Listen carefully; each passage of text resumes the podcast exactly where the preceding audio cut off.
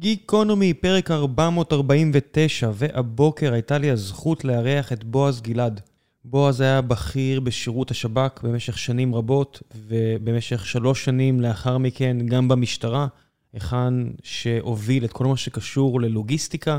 לאחר שסיים את תפקודו ושירותו הציבורי, הוא המשיך והקים סטארט-אפ שגם מתעסק בלוגיסטיקה, וזו בעצם הייתה המהות של הפרק עם האיש המעולה הזה, שהוא כל כך רהוט ונעים לשיחה, ומבין את הנושאים שהוא מדבר עליהם, ומדבר עם כזו תשוקה לגבי השירות הציבורי, אה, והמשטרה, והשב"כ, והאתגרים, ולוגיסטיקה, וכל הנושאים האלה. אני מרגיש שלמדתי לא מעט, ונתנו במה לכל מיני נושאים חשובים כמו רכש ובעיות ואיך פותרים אותם ואיך ניגשים בכלל לבעיות כאלו.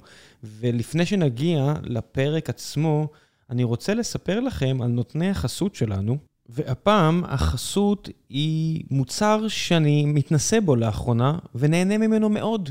בירה חדשה, בירת קראפט חדשה ישראלית בשם שקמה, שמושקת בימים אלו על ידי מבשלות בירה ישראל. שקמה בירת קראפט ישראלית המיוצרת במבשלת בוטיק חדשה, הקרויה על שם מאגר המים שקמה, הנמצא סמוך למבשלה. הניסיון הרב שצברו הברומאסטרים בבישול הבירו של קרלסברג, הוביל אותם לממש את חלומם וליצור משהו חדש וייחודי. התשוקה לחדשנות והידע הרב שנצבר שם לאורך השנים, הובילו להקמת מיקרו-מבשלה חדשה, בסמוך למבשלה הגדולה באשקלון, בה יוכלו ליצור בירות craft שהם אוהבים בכמויות קטנות. החבר'ה הטובים משקמה שלחו לי לא מעט בירות כאלו. אני יודע, שחיתות של פודקסטרים, אה, כמה ארגזים אפילו, אם לומר את האמת, ויצא שבחודש האחרון שתיתי המון המון שקמה, משלושה סוגים שונים. אה, יש להם איילין אה, בריא, יש להם IPA ויש להם מרצ'ן לאגר. כל שלושת הסוגים האלו, כולם סביב 5.5 אחוזי אלכוהול, ובניגוד לבירות אחרות יותר מסורתיות, יותר פשוטות, כמו המותגים האחרים שקשורים לאותה מבשלה, הבירה הזו מלאה בטעמים, והיא מעניינת, והיא ייחודית, והיא מאוד מאוד דומה לכל מיני בירות בוטיק אחרות, והיא פשוט מביאה בראש. זו בירה מעולה, ואני שותה אותה לאחרונה בכל אירוע משפחתי, ואני מביא אותה, וכולם שמחים ונהנים. אז הנה, המלצה חמה חמה ממני, בירת שקמה, שעכשיו מושקת בימים אלה ברחבי הארץ, תנסו, המלצה חמה. ועכשיו, גיקונומי 449, מקווה שתהנו.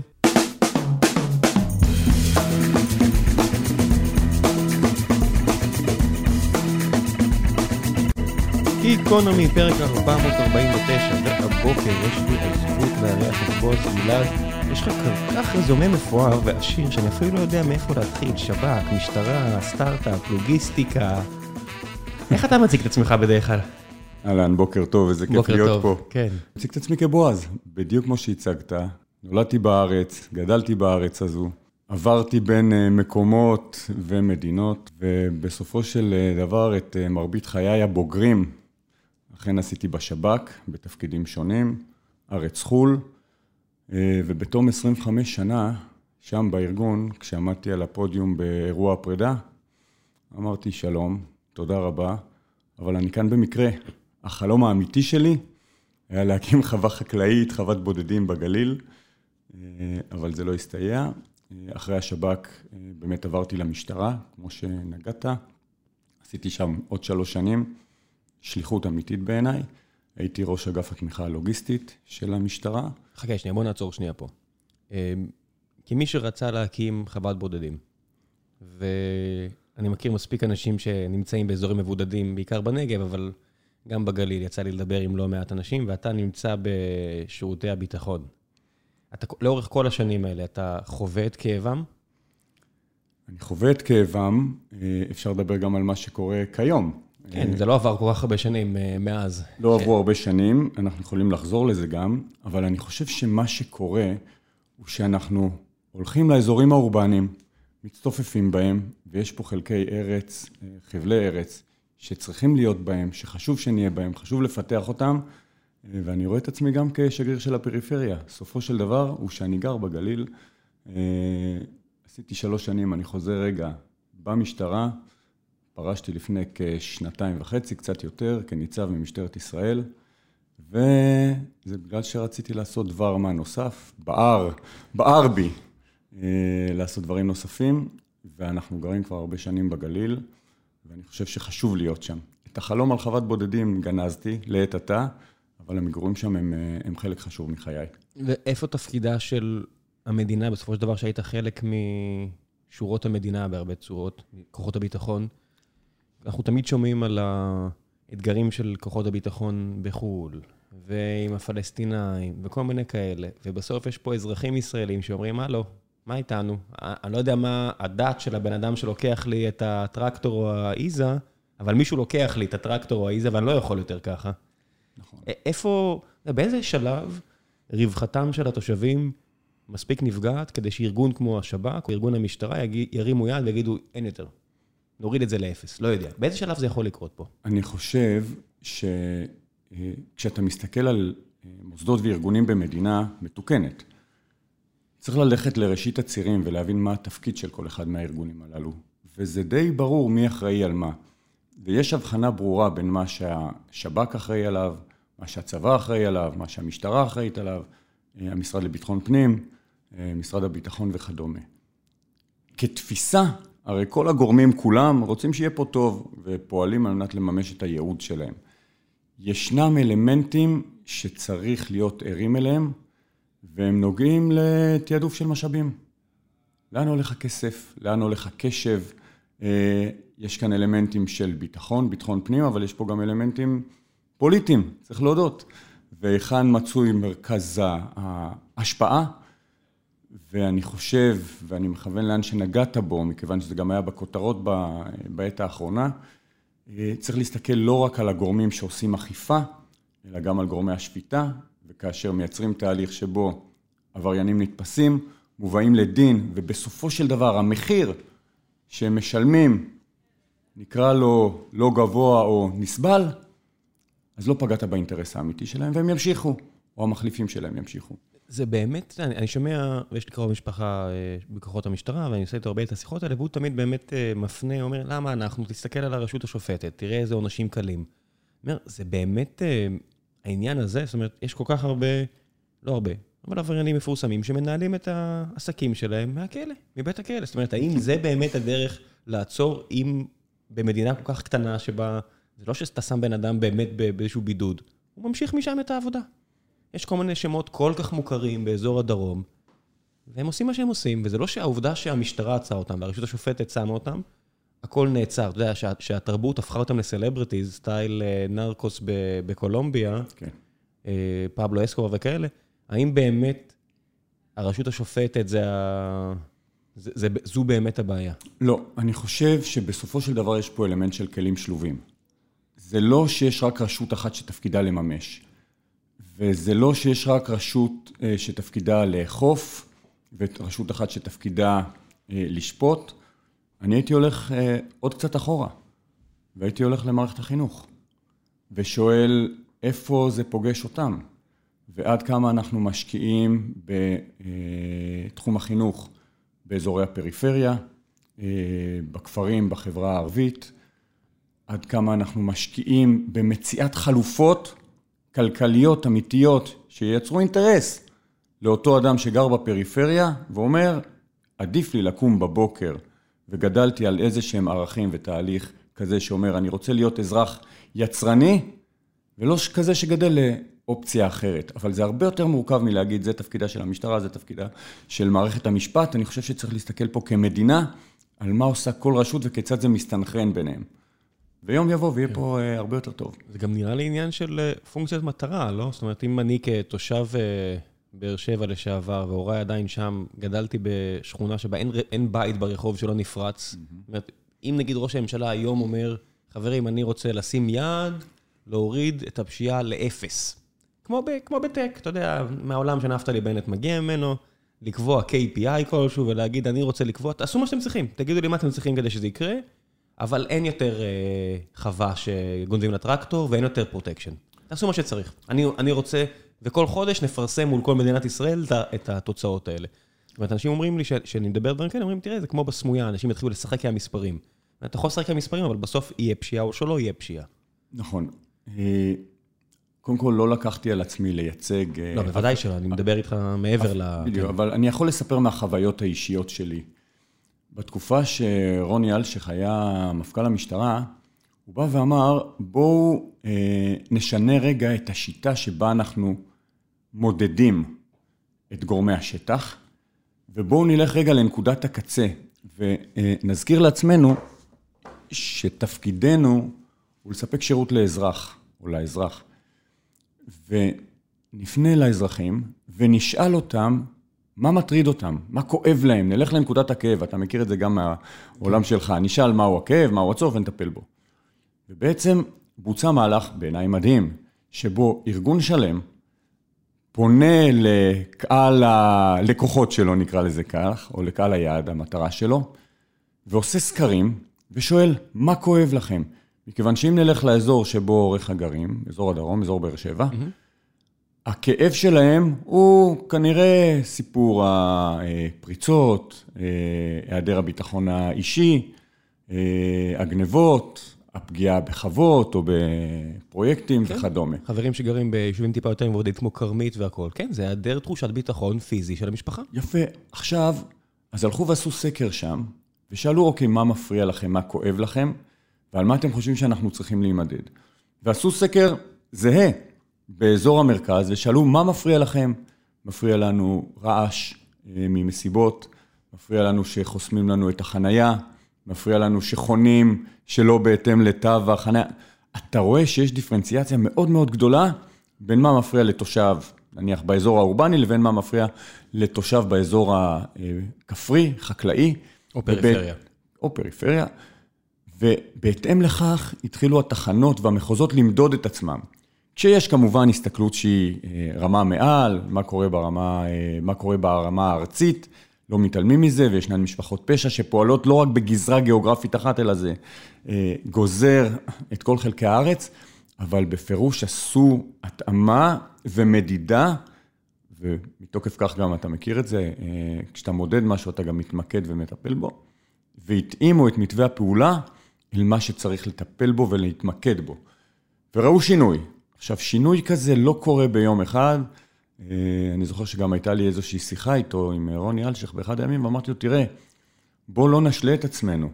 קשה מאוד לעשות שינוי, באמת, עד שורש הדברים, בפרק זמן של שלוש-ארבע שנים. אז אני לא אומר שאתה רק מלטש את פני העדשה, אתה עושה יותר מזה, אבל לאורך זמן חייבים לראות שינוי. ואז מצאנו עוד דבר, אה, שגם הוא מאוד טבעי, אם תיקח מים, תיתן להם לזרום ותעשה איזשהו סכר, הם יזרמו לאזור אחר. ואז אתה אומר, אוקיי, יש פה מפלי פשיעה, אני עובד חזק בצפון, פתאום מתחיל, אה, רואים זליגה לכיוון הדרום או לכיוון המרכז, ואתה צריך כל הזמן לייצר איזה שהם איזונים ובלמים, ולראות שאתה מפנה את הקשב ואת המשאבים כן, שלך. כי אותו אדם לא הפסיק את פועלו, זאת אומרת, בדיוק עכשיו קראתי אה, כתבה על איזושהי אה, משפחת פשע, שהעבירו אותה מ, לא יודע מה, נניח אשקלון לנניח אילת, אז הם פשוט מתחילים לעבוד באילת.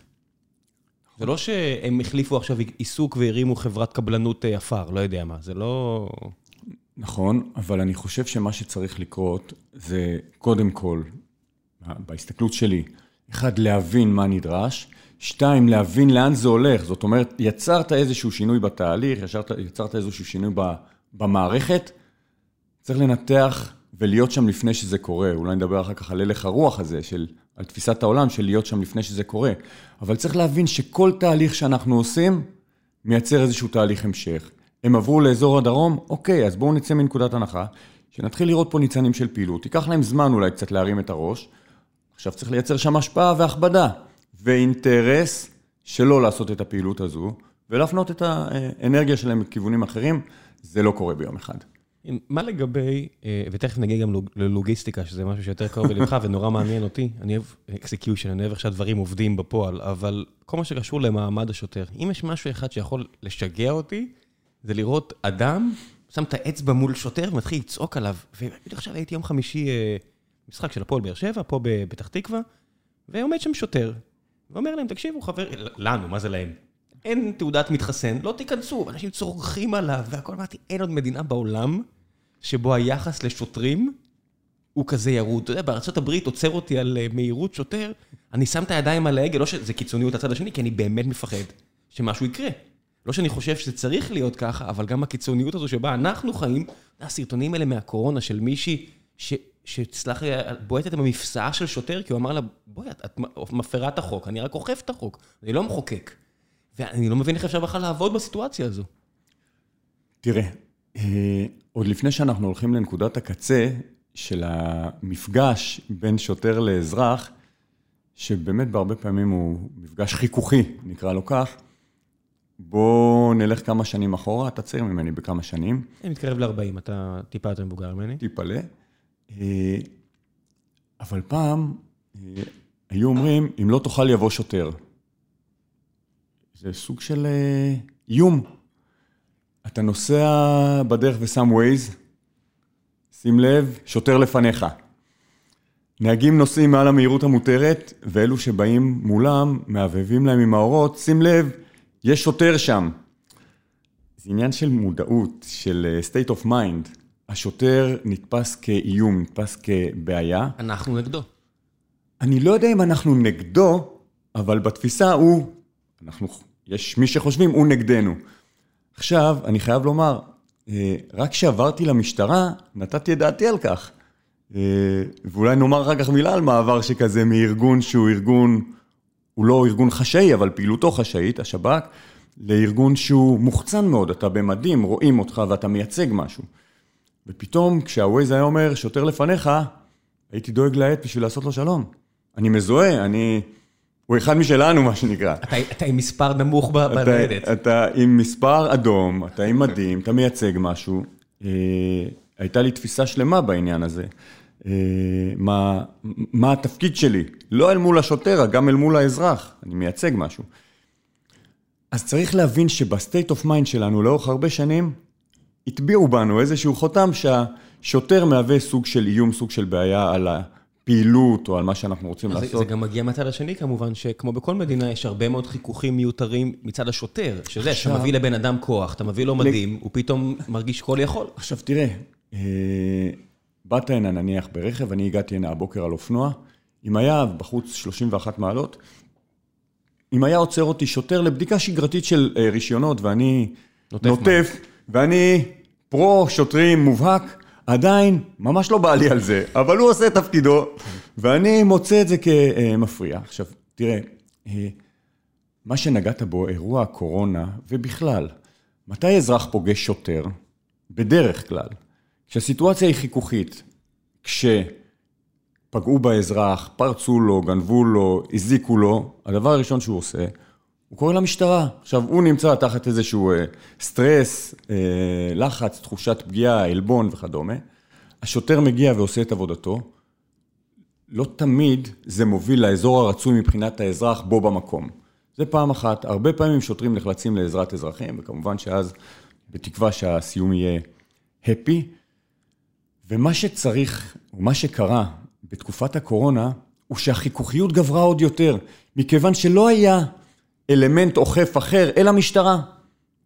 ניסו בשלב מסוים להכניס גם את הפיקוח העירוני וכדומה, בעיני האזרח זה נתפס כאותו הדבר. עכשיו, בסופו של דבר, אנחנו מדינת חוק, וקבעו פה איזה שהם כללים ותקנות למימוש בתקופת הקורונה, ומי שהולך ועושה את האכיפה הזו זה השוטר. והמפגש הזה בין אזרח נורמטיבי, כי זה שאתה עכשיו לא הלכת עם מסכה, זה, זה, זה אולי מאוד לא בסדר. וזה עלול לייצר הדבקה וכל מה שקשור, וזה בוודאי חורג מההנחיות.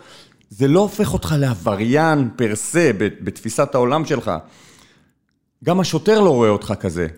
אז אתה אומר, רגע, מה הוא בא אליי עכשיו, השוטר הזה? אני לא עבריין.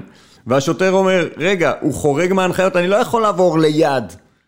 ולשם זה מוביל. כן, זה העניין הזה של השיקול דעת, כי גם זה, אם יש מחוקק שהוציא את החוק, השוטר, אבל זה מגיע מהתפיסה שלי כישראלי, שהכל זה שיקול דעת. אני אגיד לך, היינו, לא יודע, לפני כמה שנים, באיזה ערב חם מדי בתל אביב, כמה חבר'ה, כולם אה, לקחו ערב חופשי מהמשפחות, יושבים משחקים פוקר, משהו שהוא עבירה על החוק בארץ, אז נניח שעשיתי את זה על, זה באמת על, לא על כסף, זה בשביל החברותה באמת, כי זה, זה העניין. ויושבים משחקים, פתאום מגיע שוטר, כי אנחנו בגינה של אחד הבניינים, כי חם מדי. אמרתי, אוי, לא. ואז אני, אני פשוט אומר, היי חבר'ה, שמעתי את הצ'יפים, תקשיבו, אתם עושים קצת רעש, בואו תורידו קצת הרעש, אם אני שומע את זה בחוץ, כנראה גם השכנים שלכם יושבים, תהיו נחמדים. אמרתי, בטח, וואו, איזה שירות מדהים, אתה יודע, אתה אומר, אתה, הצפי כבר הוא, הוא כזה נמוך, אז... ש, שאתה כבר, אתה כל כך מופתע שבא אליך בן אדם ונותן לך משהו שהוא רציונל, שהוא דואג לאנשים אחרים, והוא אומר, איזה... אז קודם יצאנו כל, מדמים. אני חושב שבמרבית המקרים, זה שם. זה מה אני שקורה. בטוח שבמרבית המקרים זה שם. זה רק מה, זה לא, אתה יודע, זה לא, סליחה על הביטוי, זה לא סקסי. זה לא מקבל כותרות. כן. שוטר ראה אזרח, אזרחית שנתקעו עם פאנצ'ר על הדרך, הוא עוצר ועוזר לו. שוטר נקרא לחלץ חתול שטיפס על עץ, זה נחמד, אבל זה לא מייצר כותרות. אז מה מייצר את הכותרות? החיכוך השלילי. אה, כשאתה שוטר, אתה רואה המון אינטראקציות בין שוטרים לאזרחים. אתה רואה מכתבי תודה ופניות וסיפורים מדהימים. ושוטרים שהולכים מיוזמתם, לא כי הפיקוד או המערכת שלחה אותם. הם עושים את זה מיוזמתה, עזרה לקשישים, עזרה אה, לבעלי מוגבלויות, אה, סיוע, צביעה ושיפוץ של אה, בתים, בתים של חסרי יכולת כלכלית, ועוד ועוד ועוד ועוד ועוד. אני חושב, ואני כבר כמעט שלוש שנים מחוץ למשטרה, אני חושב שהגישה הנכונה, זה לפחות מה שאני פגשתי במשטרה, הגישה הנכונה היא אה, תפיסה של מניעה. מניעה מצבית קראו לזה. בוא לא נחכה שהאזרח, שכמו שאמרתי קודם, על פי רוב הוא נורמטיבי, בוא לא נחכה שהוא ימעד ואז נתפוס אותו, ויש יופי של דוגמה לעניין הזה. אתה מכיר את הינשוף שמשתמשים בו על מנת לעשות בדיקת אלכוהול? משטרת התנועה עשתה מהלך. אמרה, בואו לא נחכה בצומת שממנו ביציאה, יוצאים, ביציאה. מאזור הבילויים או החתונה וכולי, בואו נחכה ביציאה מהפאב, נשים עמדות של ינשוף, ונקרא לחבר'ה שיוצאים מהפאב, לפני שהם עוברים על החוק. לפני, בואו תיבדקו. פנטסטי. נבדקו ונמצאה רמת אלכוהול גבוהה, הזמינו מונית, התקשרו לאימא, לאבא, לא משנה, אבל... טיפ של אלוף, אתה לא רוצה לאבד את הרישיון היום. אני חושב שהתפיסה היא, התפיסה היא כזו שאומרת, האזרחים, 90 פלוס אחוזים מהם, הם נורמטיביים, הם שומרי חוק, וצריך להיות שם בשבילם, ופעם מישהו אמר, כל אחד מאיתנו צריך שיהיה לו שוטר פנימי, ולפעמים אם השוטר הפנימי שלך לא מספיק חזק, צריך שיהיה שם שוטר חיצוני, לא שיתפוס אותך, שימנע ממך, שיצביע לך, יראה לך דגל, שים לב, אל תמעד, אני לא רוצה להיות שם איזה. עכשיו, עד כמה אתה חושב שהאיפה ואיפה אה, משפיעה? הרי כולנו, נגיד בתקופת הקורונה זה מאוד בלט. יש לך למשל, לא יודע מה, מגזר חרדי, שיש שם תשעה ילדים, שבעה ילדים בממוצע, ההורים לא יכולים להחזיק את כולם בבית, זה בלתי אפשרי. והרבנים אומרים בואו ללימודים, וההורים אומרים, בסדר, אז הנה פתרון. אתה יודע, כמו כל הורה, הנה פתרון, אז הילדים הולכים לזה. והמשטרה באמצע, ואז התושבים בתל אביב שמקבלים קנסות אומרים, למה הם כן ואנחנו לא, אתה יודע, כל הדברים של הפיפי קקי של הילדים, אומר, המשטרה תקועה באמצע. איך מיישבים עניין כזה כשיש לך באמת, אתה יודע, כמו שאתה אמרת, בער- בערים הערביות שלא נותנים להם לבנות, אז יש בנייה לא חוקית בתוך העיר. ביישוב החרדי שיש יותר מדי אנשים, וזו תרבות כל כך שונה משלנו, הרבה פעמים של, שלנו, אני אומר חילונים, אז יש חיכוכים מובנים בגלל תרבות, והמשטרה באמצע, ולאדם מהצד זה נראה איפה ואיפה. טוב, נגעת בהמון דברים, אבל אני הייתי שם את זה בראש ובראשונה על אה, מנהיגות. בסופו של דבר, לכל אחד מהקהלים האלו שמנית, יש איזושהי מנהיגות שהוא מקשיב לה, שהוא רואה בה כבעלת אה, סמכות לקבל החלטה, או כמו שהילדים אומרים, אתה לא מחליט עליי? אז למשל, הנושא של הקהילה החרדית. היו שם מנהיגים שיצאו במופגן ובמוצהר כנגד ההנחיות וקראו לקהל שלהם שלא להישמע. אני חושב שהיה שם גם קול אחר. הוא לא נשמע מספיק, אבל היה. עכשיו, גם פה בתקשורת מראים את הצד השלילי. אבל אני חוויתי את זה ממקום אחר. כבר לא הייתי בשירות פעיל, אבל מי שאחראי לזה שנפגשנו פה היום, יואבי, הבן שלי, אה, שירת באותה תקופה באחת היחידות המיוחדות של מג"ב. הוא השתחרר לאחרונה. והשביתו אותם מכל הפעילויות האחרות, ולקחו אותם לבני ברק. לקחו אותם לבני ברק לאכוף את אה, כללי הקורונה. במדים? במדים, במדי מג"ב.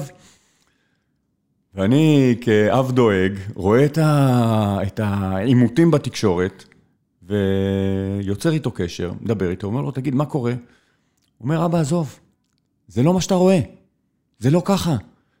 באים אלינו אנשים, לבושי שחורים, חרדים מבני ברק, אומרים תודה. אומרים תודה, אומרים איזה יופי שאתם פה, מזמינים אותנו לשתות ולאכול משהו, אומרים לנו שימו לב, שם על הגג יש כרגע איזשהו אירוע שאסור שיקרה, הם חוששים. אז כן, היו גם כאלה שקראו לו נאצי וכדומה, אבל הם מתי מעט. אז שאלתי אותו, אז מה אתם עושים אל מול זה? הוא אמר, אנחנו עובדים כצוות. אנחנו מרגיעים אחד את השני. אמרתי לו, מה זאת אומרת?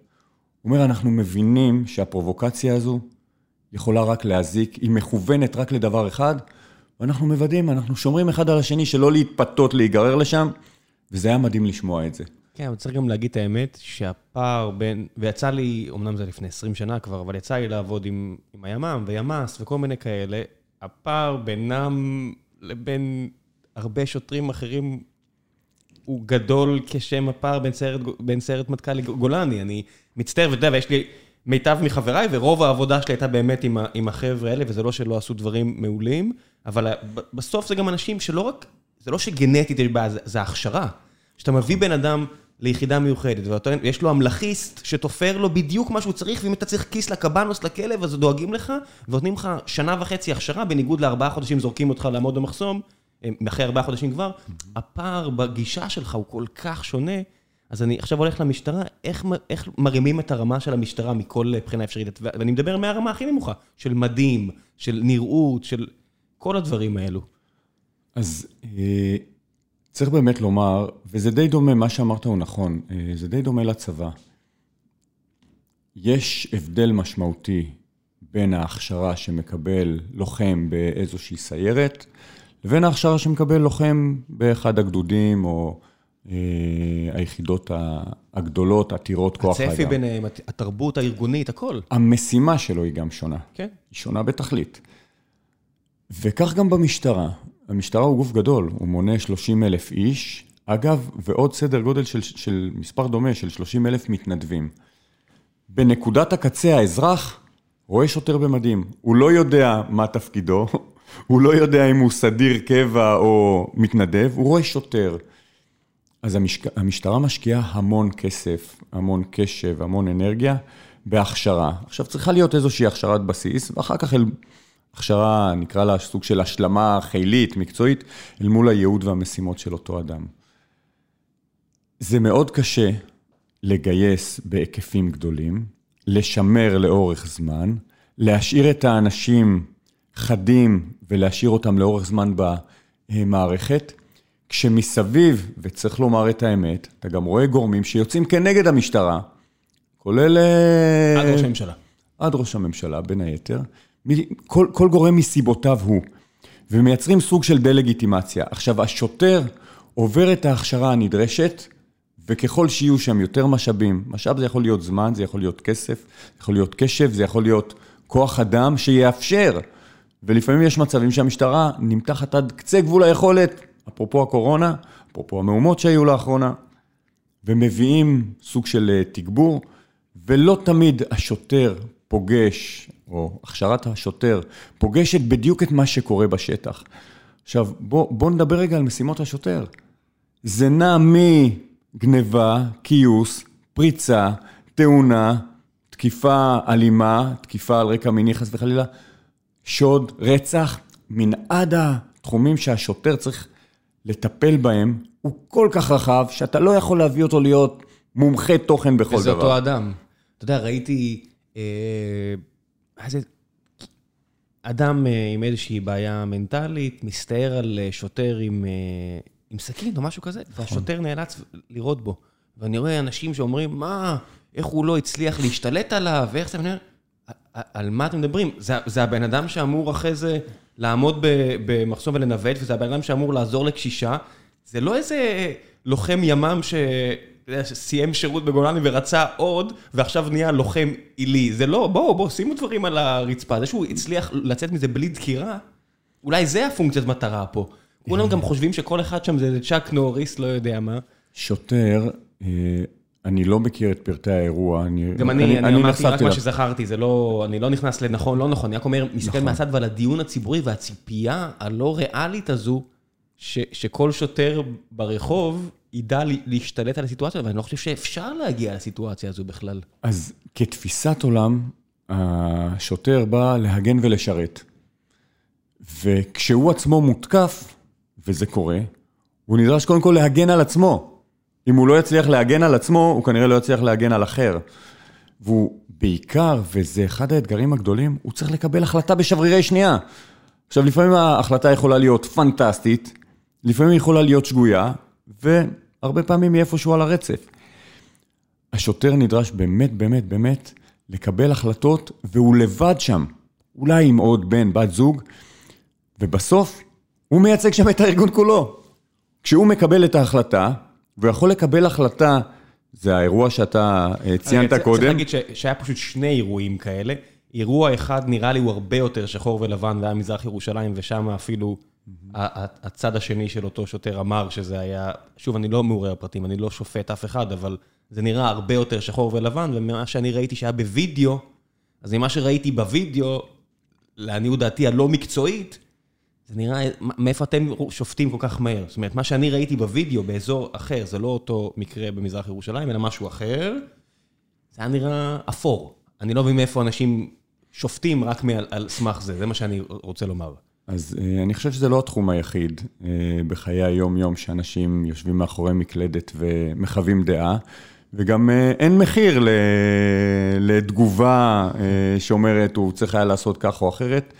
אני חושב שיש את הגורמים הנכונים והמיומנים לתחקר כל אירוע ואירוע, ויש את הפתיחות הארגונית לתחקר את הדברים. אה, ולהגיע לחקר האמת, אבל אם אני נשאר רגע בצד של השוטר, הוא צריך באמת לקבל החלטות שהן מורכבות, לפעמים עוסקות בחיי אדם, בשברירי שנייה, ויש לו סמכות עד כדי לשלול חירותו של אדם. לשלול חיים, מה הכוונה? אה, לשלול חיים זה לא לשלול חיים, אלא להגן על עצמו או על לא אחר. הוא לא שופט, אין. עבירה, בארץ שדינה מוות, אז. בטח שלא שוטר לא יכול לעשות את זה, אבל אם שוטר רואה בן אדם מאיים על אדם אחר, והוא לא יכול אה, לעצור את הסיטואציה, אז זה לא רק על שלמה, הוא יכול גם לקחת חיים של מישהו אחר, אם הוא זה- מרגיש שזה איום על חיים של מישהו אחר. חד משמעית, זה נכון אגב להרבה מאוד אה, אחרים במערכות הביטחון, כן, כולל שבתוכו. אגב אזרח שנחשף לסיכון חיים, או אה, אדם שמצוי בסכנת חיים ולא מצופה ממנו לעבור ליד ולהמשיך הלאה, אבל כמובן שאין עליו את החובה ואין לו את הסמכות לפעול וכולי, אבל אני רוצה רגע לברוח במרכאות מהאזור הזה, כי נגעת קודם בתדמית השוטר והלוגיסטיקה שקשורה לשוטר וחש... והנראות של השוטר. חשוב. אה, אחד הדברים שלמדתי במהלך השנים, זה שבוודאי ככל שאתה מתקדם ומגיע לתפקידים שהם ניהוליים, פיקודיים, זה שאסור לשכוח לשמוע את השוטר או את האדם שם בקצה, ולשמוע ממנו מה הוא צריך. עכשיו, יש מחקרים שלמים על כך שככל שעובד, זה נכון גם לחברות וארגונים מסחריים, בוודאי כאלו שאמורים לתת שירות, אבל ככל שתפעל להעלאת שביעות הרצון של העובד, או אם אנחנו מדברים במקרה שלנו על אה, שוטר, ככל שתעלה את שביעות הרצון שלו מהתנאים, מהשירות שניתן לו, מהאמצעים שניתנים לו, למימוש המשימה שלו, כך ישתפר גם השירות שלו ללקוח, אוקיי? ובמקרה הזה לאזרח. אז דיברת קודם על הסיפור של הנראות, ואחד הדברים שאני ככה שמתי לעצמי למטרה, זה לשמוע את השוטר.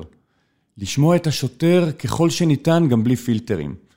יש מלא סיפורים ואפילו קוריוזים, אפשר uh, לספר חלק מהם, אבל נהגתי להצטרף לפעילות של שוטרים uh, ברכב סיור, כעוד שוטר בניידת הסיור, uh, בניידת של משטרת התנועה, לקחת אופנוע ולהצטרף לשוטר תנועה שיוצא למשימה, ולשאול אותם, מה, מה הם חושבים שאני צריך לעשות על מנת לשפר את המענה שלהם לאזרח, או את המענה המבצעי שלהם, או את היכולות שלהם, ועלו שם דברים פנטסטיים.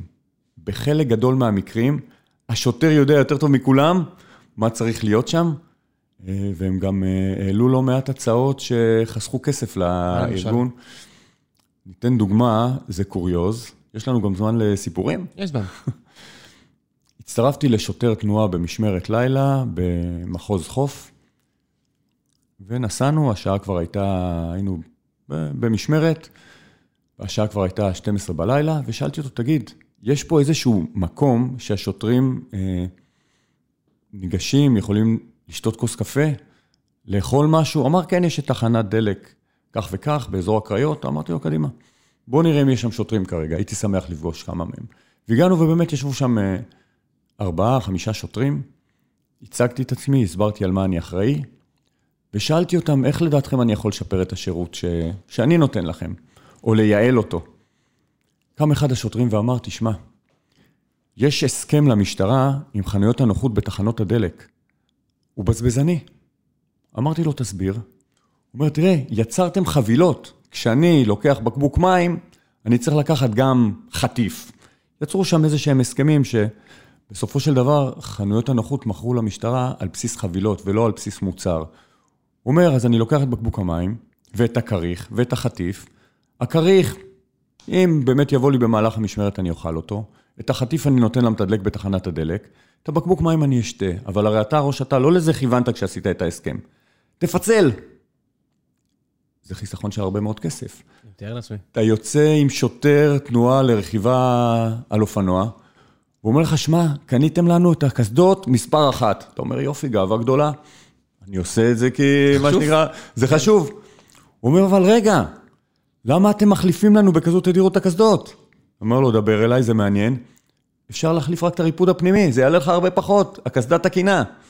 כל כמה זמן צריך להחליף? אני מצטער, אני, איזשהו, אני לא, לא, יש לא, לא איזשהו רוכב. תו אז- תקן, יש איזשהו תו תקן, ואומרים, צריך להחליף. אבל אם אתה מחליף רק את הריפוד הפנימי, שאכן מתבלה, אתה לא חייב להחליף את כל המכלול. וסיפור אחרון מאותו, אה, סיפורים מעולים, תמשיך כמה שאתה רוצה. מאותו מפגש עם אה, קבוצת השוטרים, הייתה שם שוטרת, ואני שואל אותם איך אני יכול לשפר את המבצעיות שלכם. היא אומרת, תשמע, נתתם לנו מצלמות גוף עכשיו. המשטרה הכניסה מצלמות גוף אה, לשימוש השוטרים? כתפיסת עולם. כן, לפעילות מבצעית. אז עוד היינו בשלב של פיילוט. כל שוטר צריך אה, מצלמה גוף? שוטרי הסיור. על בסיס איזשהו מפתח מסוים, עד שהארגון יצטייד כולו, ולכל שוטר סיור תהיה מצלמה.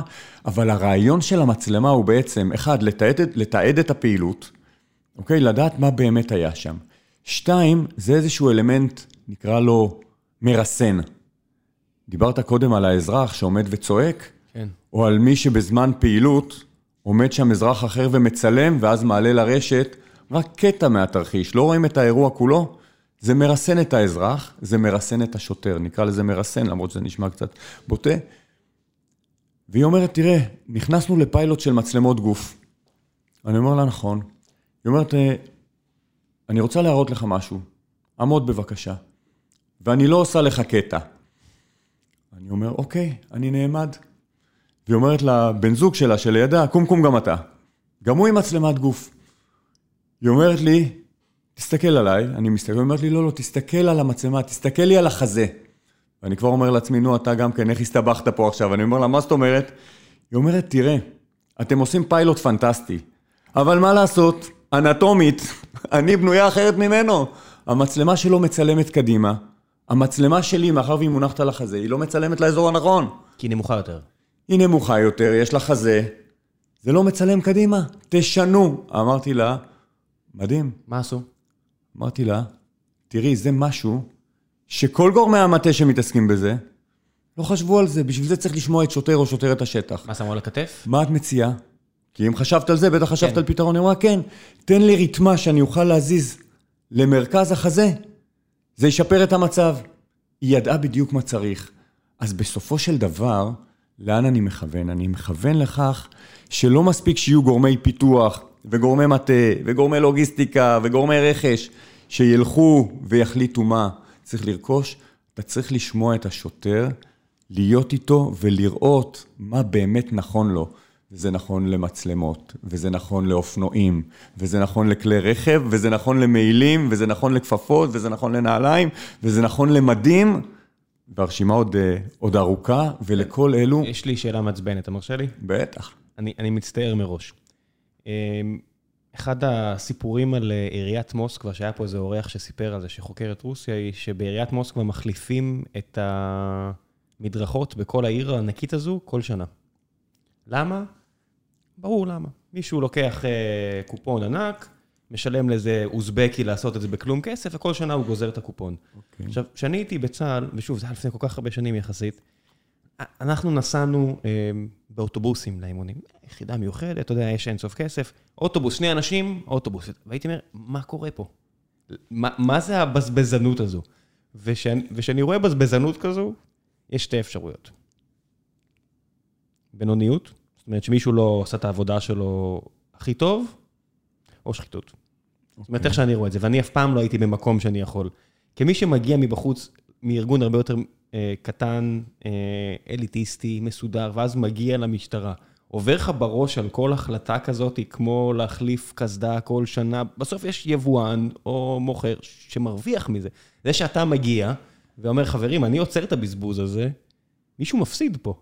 והמישהו הזה כנראה שיש לו, כמו כל מי שמתעסק בלוגיסטיקה, לא יודע, פה, אני, יש לי תקציב לא קטן לחברה הזו, והלוגיסטיקה, אתה יודע, אתה חייב למתוח קו בינך לבין הספקים למען טוהר המידות. וכשאתה מגיע מבחוץ, אתה מתחיל להריץ עצמך בראש את השאלות האלה על כל החלטה כזו, האם הכל היה כשר?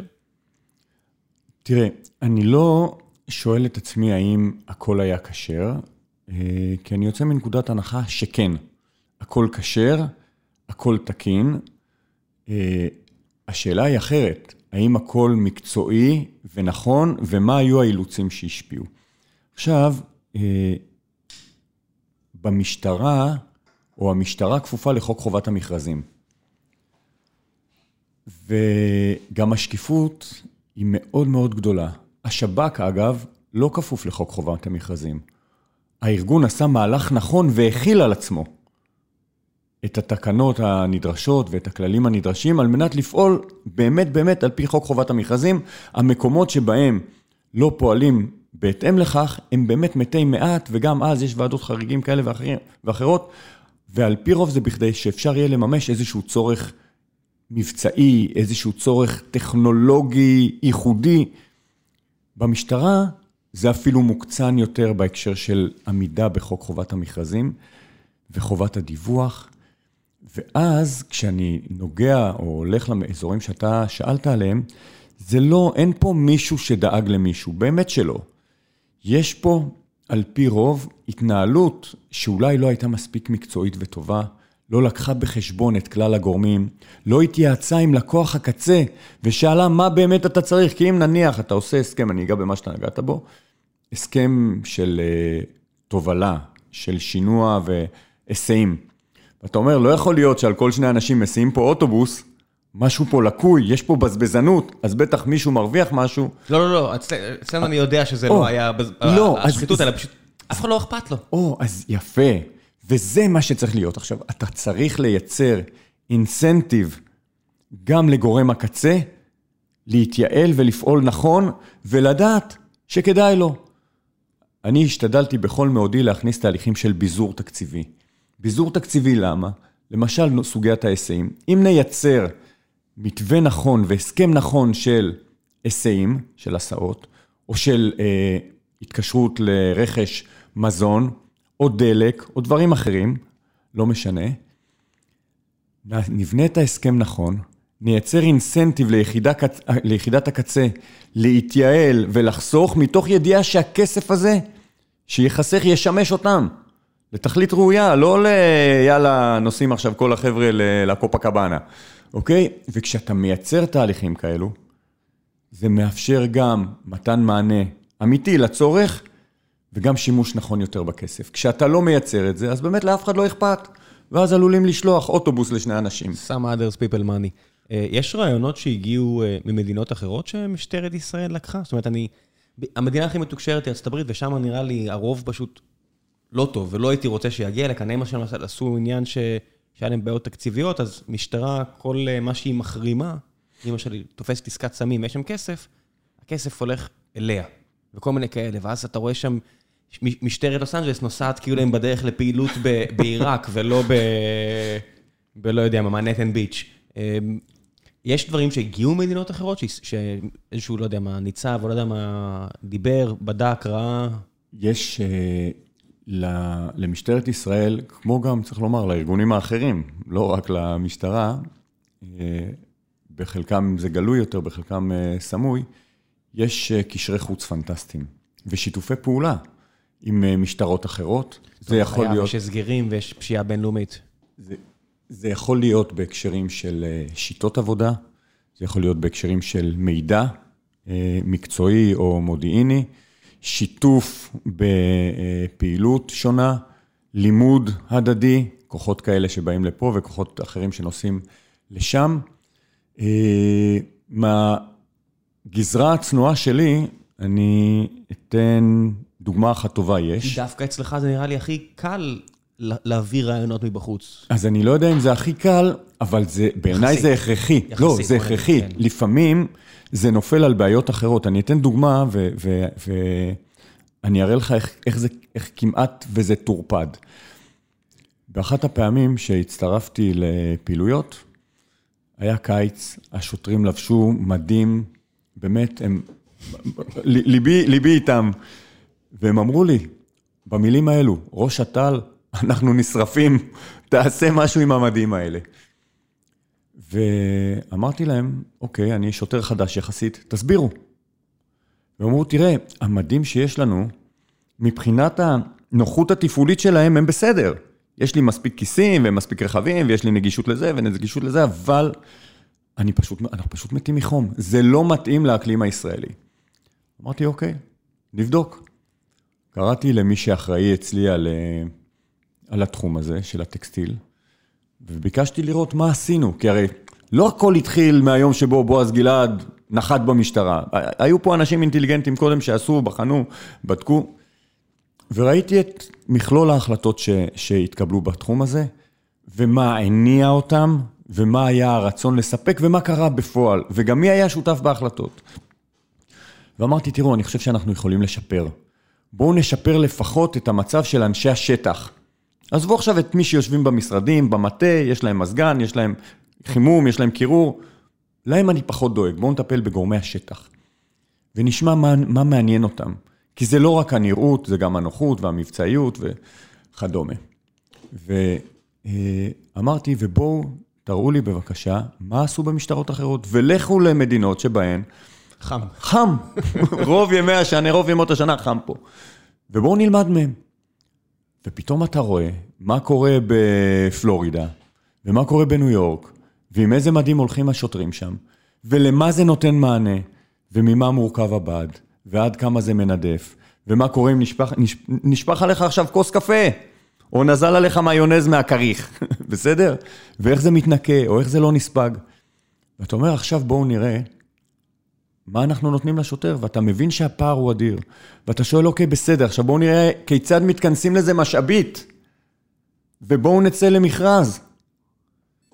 ואתה יוצא למכרז, ובמכרז אתה מבקש מדים, אתה לא מכתיב עכשיו, תעשו לי כך וכך, אתה דורש מדים שונים על איקס קריטריונים. ומתחילות להגיע הצעות, אבל מתחילות להגיע תלונות. ומתחילות להגיע פניות מגורמים פוליטיים. על מה? מה? אז... רגע, על מה התלונה? על מה... על מה... התלונה אה, היא שמשטרת ישראל גוזלת את הפרנסה מיצרני הטקסטיל בארץ. התלונה היא שהמשטרה... אבל יצאת במכרז, אתה לא אמרת, אתה לא יכול בישראל, יפה. אתה רק צריך לעמוד בקריטריון. תודה רבה. ואני מוצא את עצמי בוועדת הכלכלה בכנסת, נדרש להסביר מדוע משטרת ישראל גוזלת פרנסה מיצרני טקסטיל בארץ. ואני בא ואומר, אני לא גוזל פרנסה מיצרני הטקסטיל. זה מכרז. נהפוך הוא, יש לכם הזדמנות להתמודד. לא הגדרתי מי היצרן. נהפוך הוא, יש לכם אפילו עדיפות על פי חוק, לא כי בועז גלעד החליט.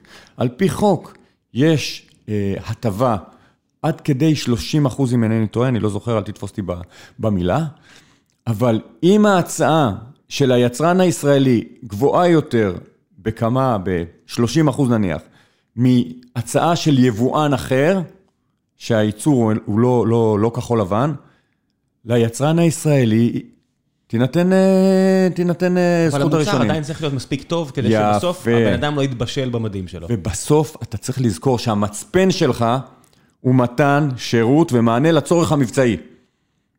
זה שחשוב לדאוג לטקסטיל, אני מטפל בזה בדרכים אחרות. תתפרו לי חגורות, ואוהלים, ויריעות, ועוד ועוד ועוד, נטפל בזה. יש מספיק פעילות טקסטיל שעושים בעבור משטרת ישראל.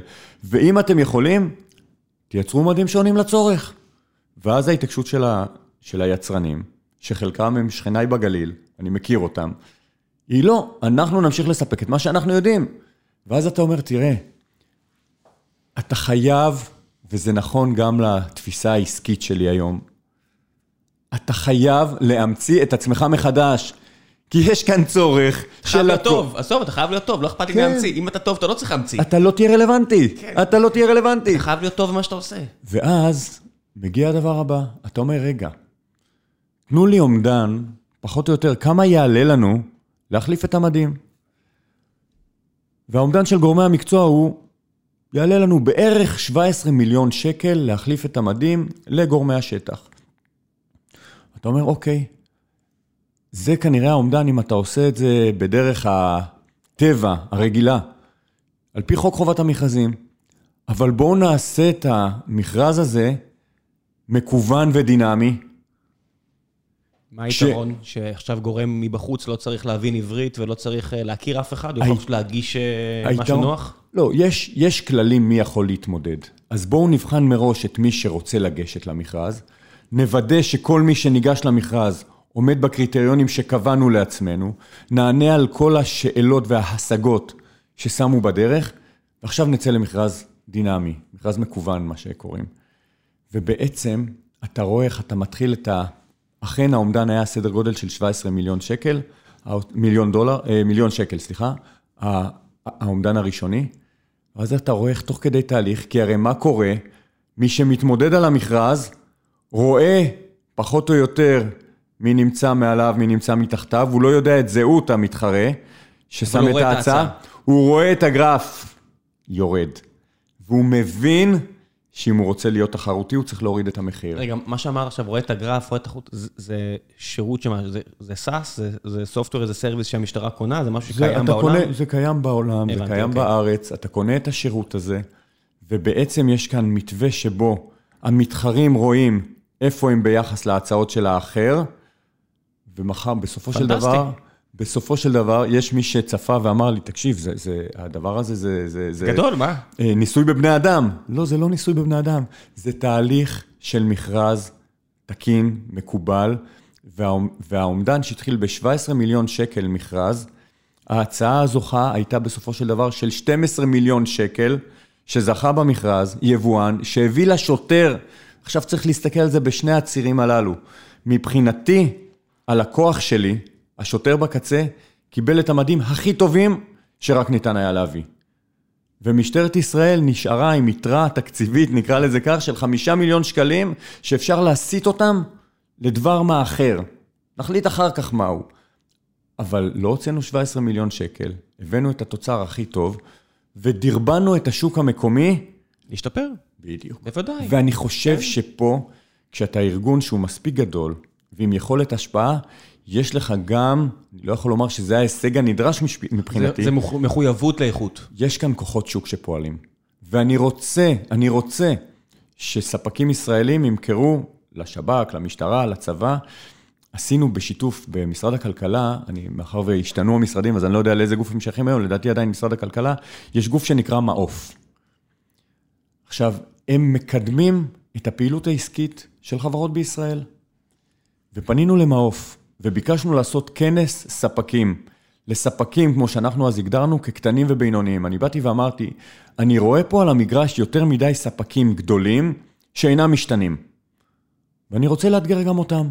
ואני רוצה לתת הזדמנות גם לספקים קטנים ובינוניים, ובעיקר, גם מכיוון שאני רואה את עצמי שגריר של הפריפריה, ובעיקר מאזור הפריפריה. ועשינו כנס ספקים. עשינו את הכנס במרכז, הגיעו אה, ספקים בכל גודל, והם סירבו להאמין. הם אמרו, לא, לא, לא, אבל תגיד, איזה, באמת, באמת, איך אתה מייצר לי את היתרון התחרותי? ואז אני אמרתי להם, חבר'ה, תראו, את היתרון התחרותי אתם צריכים לייצר. אבל תעשו אותו לא רק באמצעות המחיר שלכם, אלא דווקא באמצעות זה שאתם יכולים להיות גמישים, זריזים. מוצר טוב יותר. בדיוק. מתאימים את עצמכם, דינמיים, רלוונטיים. וזה היה מדהים. תגיד, כמה זה, מה המשטרה בכלל דואגת מבחינת מדהים? תסתכל על השאלה הקטנה, אבל זה בסוג הדברים שמעניינים אותי. מי מכבס? מי מגהץ? הש- השוטר צריך לגהץ כל בוקר את המדים שלו, צריך לכבס אותם? מי דואג ש- שהוא יעשה את זה כמו שצריך? זאת אומרת, המשטרה גם דואגת גם לדברים האלו? אז אה, יש ויש.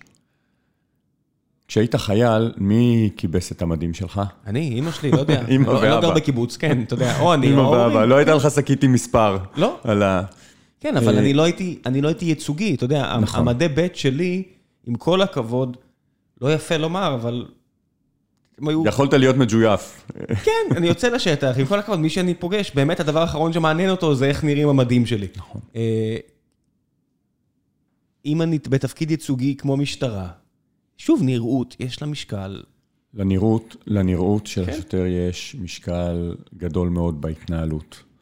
אה, וגם להיבטים של יכולת התפעול והנגישות שלו לאמצעים שעליו, היכולת שלו להיכנס, לצאת הכל. אה, מניידת, לרוץ, לזוז וכולי. מי שמגהץ, מכבס, שוטף, זה השוטר עצמו. הוא מקבל מספיק סטים. יש תמיד מי שיטען שזה לא מספיק, אבל... מה זה מספיק סטים? מקבל איקס סטים ויש לו ניקוד, הוא יכול לרכוש לעצמו, ניקוד אה, לרכוש אה, מדים. לא חסרים מדים. אה, והמדים שנרכשים הם מלכתחילה כאלו, שגם מבחינת הנראות, גם מבחינת הנוחות, גם מבחינת האיכות וגם מבחינת צריך לגייץ, לא צריך לגייץ, הם כאלו שעומדים בצורך הזה. ישנם מקצועות ספציפיים מסוימים, שבהם יש עדיפות לכך שאת השטיפה כביסה יעשה הארגון. במקומות שבהם באים במגע וכאלה? עם, גופ, עם אה, עופרת ודברים כאלו, חומרים מסוכנים, מה? מטווחים מה- וכדומה. מה- על מה מדובר? עופרת. באיזה סיטואציה? במטו... מדריכי ירי, למשל, במטווחים, אה, נחשפים להרבה מאוד עופרת.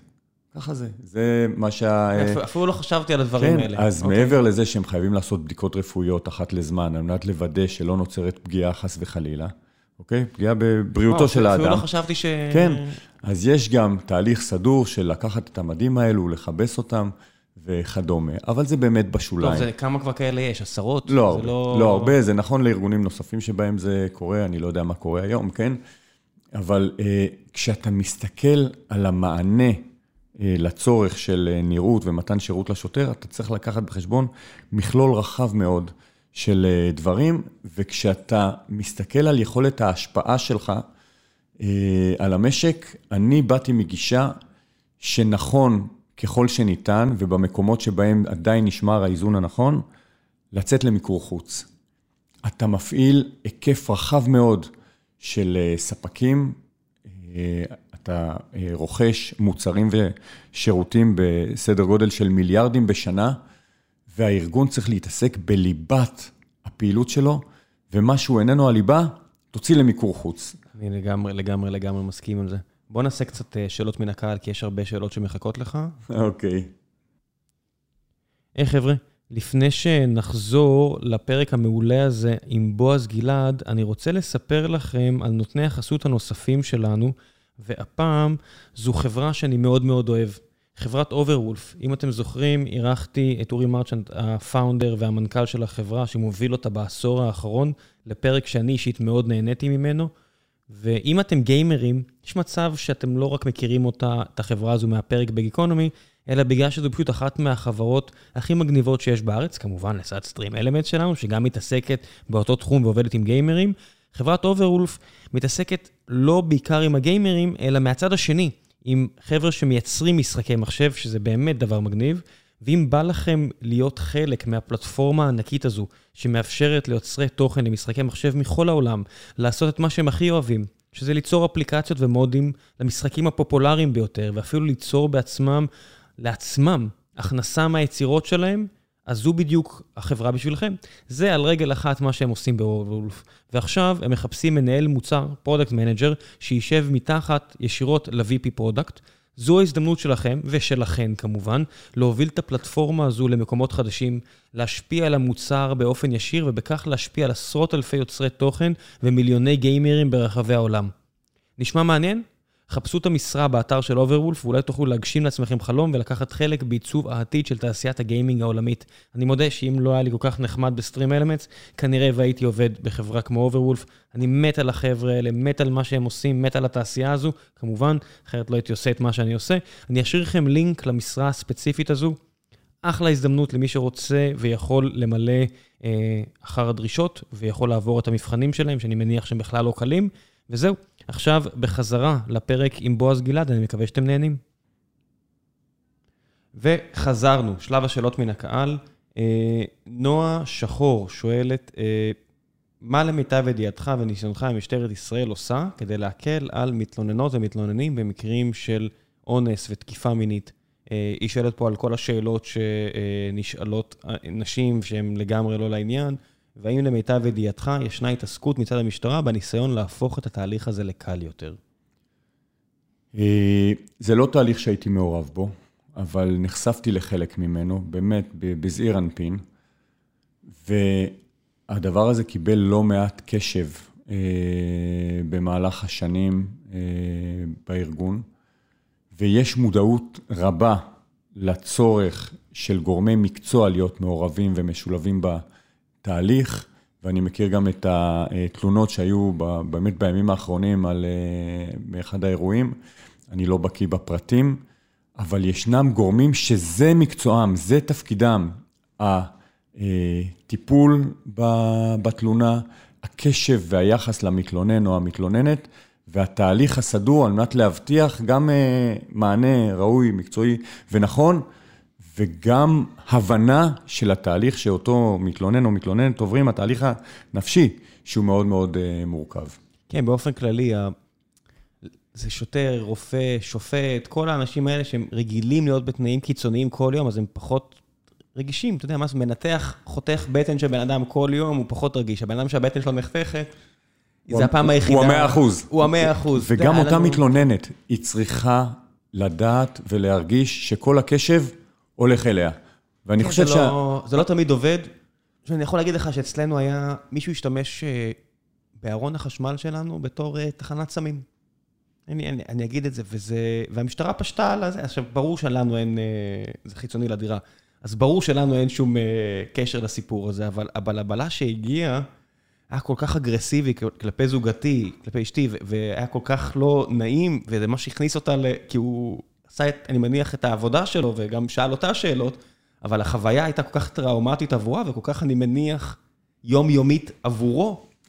הפער הזה אה, הוא, הוא קשה לגשר עליו. כן, אני מניח שעל ציר הזמן עשויה להיווצר איזושהי קהות אה, חושים. כשאתה פוגש כל הזמן, נקרא לזה more of the same, אז אתה נהיה קצת יותר כהה, זה נכון.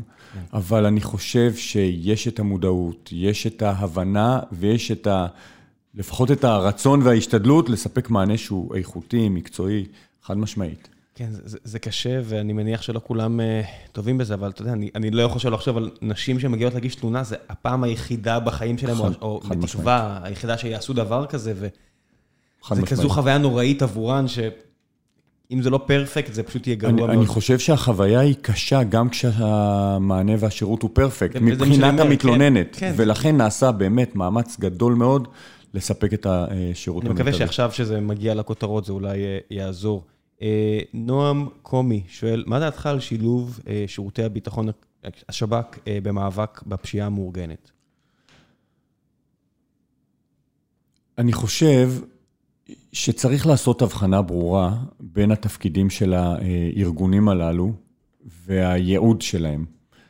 המאבק בפשיעה הוא במגרש ובתחום הפעולה של המשטרה. לשב"כ יש מספיק משימות מורכבות וגדולות על מנת שהוא לא יצטרך להתעסק אה, בעולמות הפשיעה. במקומות שבהם יש ממשק בין פשיעה לביטחוני, שם בפירוש קיים שיתוף פעולה אפילו הדוק, אה, ואז אה, יש אה, שילוב זרועות, אבל ככלל, לכל גוף ברור על מה הוא אחראי. ולמשטרה יש יכולות פנטסטיות בהיבטי טכנולוגיה, בהיבטי אה, חקירה וכדומה. גם ראינו עכשיו שהשב"כ התערב, כשהמשטרה לא יכלה לעשות משלל סיבותיה, או לא, או לא יודע מה, או שהיא לא... אה, אה, מוכשרת, equipped לזה, אז השב"כ יתערב. זה לא איזה סוד גדול שרכזי השב"כ הגיעו עכשיו לנקודת התפרעות. אבל צריך לזכור שלא דובר בפשיעה אזרחית פר סה, אלא היה משהו בפירוש, בחלק, מה, בחלק מהמקרים, שהוא בפירוש באזור הלאומני. כן. והאזור הלאומני הוא לא רק על הצד הערבי, לצורך העניין, הוא על כל הרצף. זאת אומרת, כשמסתכלים על אה, אירוע שהוא על רקע לאומני, בוחנים את כל הצדדים, בוחנים אה, מי מעורב ב, אה, בדברים, ואני חושב שנכון, נכון, להשאיר למשטרה את הטיפול בהפרות סדר, בסדר ציבורי, ולא להכניס את גורמי השב"כ למקומות שבהם אין הכרח להיכנס, ויחד עם זאת, אנחנו יודעים, ואנחנו ראינו גם עכשיו, שהיה שילוב זרועות במקומות שבהם באמת היה הכרח לעשות את זה, ואני חושב שההכרח הזה, שהשיתוף פעולה הזה היה אה, נכון ובמקומו, אה, ואני מניח שגם לומדים מזה. אסא מרום שואל, אני מניח, או שואלת, אה, איפה אתה ממקם את משטרת ישראל ביחס למשטרות אה, מקבילות בעולם המערבי? האם יש בכלל מדדים כאלה? זאת אומרת, אני יודע שנגיד בצה"ל עושים את זה עם חיל האוויר, למשל, שהם מתאמנים נגד חילות אחרים, לא יודע, באדם, תמיד בלוטר הייתי רואה תמיד יחידות מגיעות מגרמניה ומארצות הברית, וכן עושות איזושהי השוואות וכאלה, איך זה במשטרה? אז אני לא, אני קטונתי, מה שנקרא, מלעשות השוואה ולומר, המשטרה הזו טובה יותר מזו, אבל ישנם אלמנטים ב... בישראל או במשטרת ישראל, שהם מאוד ייחודיים למשטרה שלנו, ושפתאום התחילו לפגוש אותם במקומות נוספים בעולם. ואז נוצר שיתוף פעולה. מה למשל? כשאתה רואה אה, משטרות באירופה מתחילות להתמודד עם אלמנטים של טרור או של סכינאות, חשוב היה להם לבוא ולראות מה עשו עם זה בישראל, וזה פורסם. הגיעו גורמי משטרה וגורמי ביטחון פנים, היו פה גם כנסים של אה, המשרד לביטחון הפנים, בהובלה של שר הבט"פ, אה, מפכ"ל המשטרה, הגורמים הרלוונטיים והאגפים הרלוונטיים, ובעצם משתפים בידע. אז ישנם תחומים שבהם משטרת ישראל יוצאת ולומדת מאחרים, יש לא מעט תחומים שבאים... הנה, התפרעויות של כיסאות, שאנשים זורקים אחד לשני כיסאות, אפשר ללכת לבריטים. כיסאות של כתר. כן, כיסאות של כתר, אני חושב שאפשר ללכת לבריטים או למשטרת תאילנד. אה, זה לא שאנחנו המצאנו את הדברים האלה. נכון. אז יש, יש שיתופי פעולה פנטסטיים, ואני חושב שלמשטרת ישראל יש בפירוש שם טוב בעולם, ואני שמח וגאה על כך. יניב אפיק, אה, הוא, הוא קובע פה איזושהי קביעה, תגיד לי אם זה נכון. איך אתה מסביר את הנחיתות, והוא אומר בסוגריים, טכנולוגית מודיעינית אה, של, של המשטרה אל מול שאר גופי הביטחון של ישראל? האם אתה חושב שאפשר לסגור את הפערים האלה ולשפר את זה? זאת אומרת, א' כל, האם זה באמת נכון? אני, אני מניח שכן, רק בגלל שאני מכיר את היחידות האחרות שהן פשוט, הן ברמה הכי גבוהה העולמית, הרבה, בהרבה דברים, לא? תראה, אה, קודם כל, אני מאמין גדול בשילוב שבין אדם וטכנולוגיה. אה, לכן גם אה, גילוי נאות, בער בי, כן. אחרי שאני יוצא ופורש, להיכנס לעולמות הללו, דווקא בתחום הזה שבו עסקתי, של עולמות שרשרת האספקה, הרכש, ולפתח מערכת טכנולוגית שתדע לעשות את זה טוב יותר,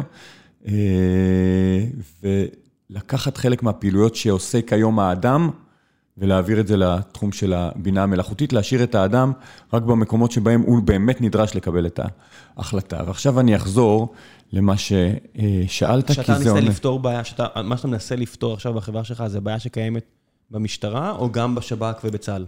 אני, כתפיסה, חושב שהסיפור הביטחוני הוא שריטה ישראלית. זאת אומרת, כשאתה רוצה לייצר חברה שמוכרת בסקייל משמעותי, אתה רוצה לכוון אל העולם האזרחי. העולם האזרחי הרבה יותר גדול ועשיר מהעולם הביטחוני, בסופו של דבר. נכון, אבל כשאני מייצר מערכת, מאחר ואני גם בא מהאזורים הביטחוניים, אני תמיד שואל את עצמי, האם זה יכול לתת מענה גם לשם? עכשיו, גם כשהייתי בתוך הארגונים הללו, תמיד הייתי אומר לאנשים שלי, בואו לא נמציא גלגל. אני, באמת, אני מעיד על עצמי, לא המצאתי אף גלגל, מעולם בחיי. לקחתי כן גלגלים ששימשו לצרכים מסוימים, ורק עשיתי התאמה של הקוטר ולחץ האוויר, אם נמשיך עם אנלוגיית הגלגל.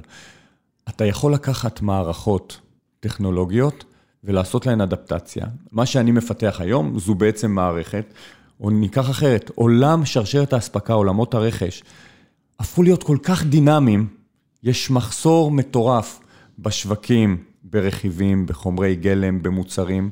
העולם נהיה דינמי עד כדי כאוטי, ותהליכי הרכש למשל, הם מתבססים על תהליכים שהוצבו לפני עשרות בשנים.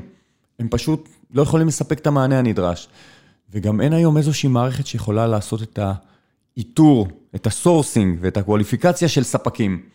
וזה בעצם מה שאנחנו באים לפתור. אנחנו מפתחים מערכת מבוססת AI, שתספק מענה לצורך הזה באיתור ובחינת התאמה לספקים פוטנציאליים וכל מה שקשור לתהליך הרכש. כשאתה מסתכל על המשטרה, ונחזור לשאלה ששאל, מה שמו? אה, נועם? שאל אה, את השאלה, נועם, לא נועם, אה, יניב אפיק. יניב.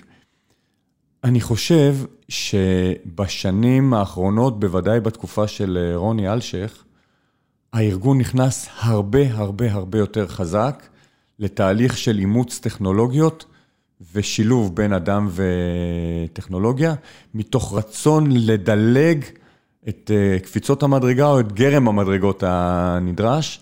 אני לא נמצא כיום בארגון, אבל אני יודע שהתפיסה של קובי שבתאי היא בדיוק כזו, להמשיך ולחזק את השימוש בטכנולוגיות. זה משנה מאיפה האדם הגיע, זאת אומרת, אם קובי גדל בימ"מ, הוא מקבל אה, זווית שונה מאשר, לא יודע מה, אה, בועז ש... שגדל ב... לא, אלשיך למשל, רוני, שגדל אה, כרכז. אתה יודע, זה, זה בסוף אנשים שבילו כל כך הרבה שנים מהחיים שלהם במקומות מאוד שונים.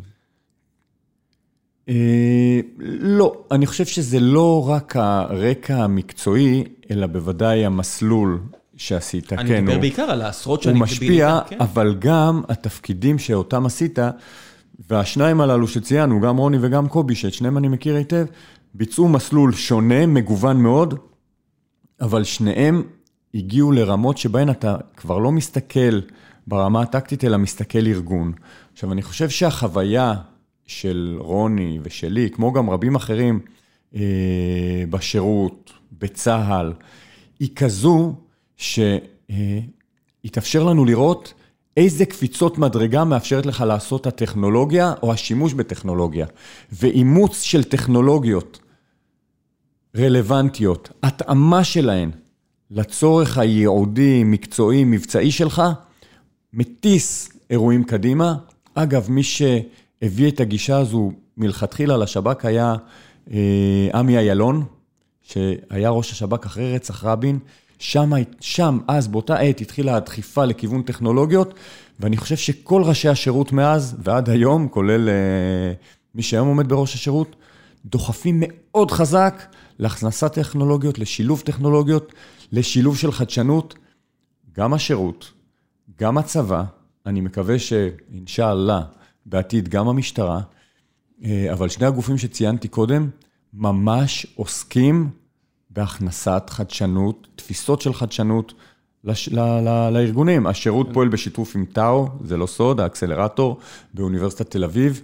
הצבא הקים גופים שדוחפים באמת לחדשנות. כן, זה גם באמת באותם שנים. זאת אומרת, היה פה, סיפרתי לכם לפני הפרק על אה, פנחס בוכריס, שהוא בתקופה הזאת היה מפקד 8200, הוא בכלל הגיע ממטכ"ל כלוחם. נכון. אז אי אפשר להגיד שהוא היה ב-81, הוא לא היה ביחידה הטכנולוגית של מטכ"ל, הוא היה לוחם במטכ"ל, והוא באמת עשה שם מהפכה מאוד גדולה, אז לא באמת צריך להיות אה, אני, מקודד כדי... חד משמעית. אני, אני טכנולוג קטן, אוקיי? אני, אני לא בא מרקע טכנולוגי, ובאגף התמיכה הלוגיסטית של המשטרה, ביקשתי להקים ענף שיתעסק בחדשנות.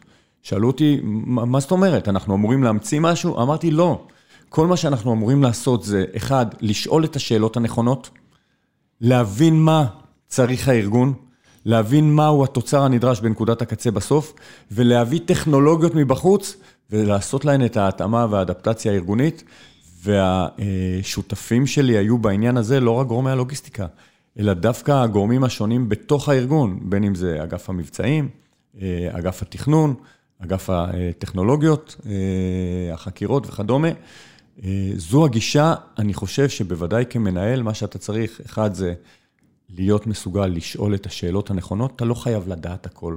אני תמיד מעדיף לשים סימני שאלה ולא סימני קריאה. זה אומר שאתה גם מספיק צנוע ואומר, אני לא יודע מספיק, וגם מזמין תשובות, סומך על האנשים שלך, וגם תמיד לרצות להיות שם לפני ש... שזה קורה. לשאול את עצמך, לאן אנחנו רוצים להגיע? יכול להיות שלא תגיע בדיוק לנקודה ש... תגיע קרוב. חד משמעית. אם אתה באמת שם את המטרה. אה, עמיחי, בוא נעשה עוד שתי שאלות ונסיים. עמיחי, עמיחי שואל, אה, ראינו את התחקיר על האיכות הירודה של המזון בצה"ל. איך זה במשטרה מהבחינה הזו? זאת אומרת, לוגיסטיקה זה גם זה, אני מניח. זה גם זה, אה, לוגיסטיקה... צריך לדאוג לאוכל. לוגיסטיקה כוללת, יש אה, השותף... סיפרת על התחנות נוחות, אבל מה קורה בשם? נכון. קודם כל, לוגיסטיקה, בסוף אתה רוכש משרוך נעל ועד כלי שיט ומסוקים.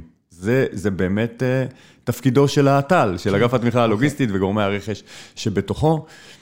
אה, אני לא מכיר את התחקיר שהיה, אני ראיתי רק את, לא. ה, את הפרקים שפורסמו בימים האחרונים או בשבועות האחרונים, והגישה שלי אה, הייתה מאוד ברורה בעניין הזה.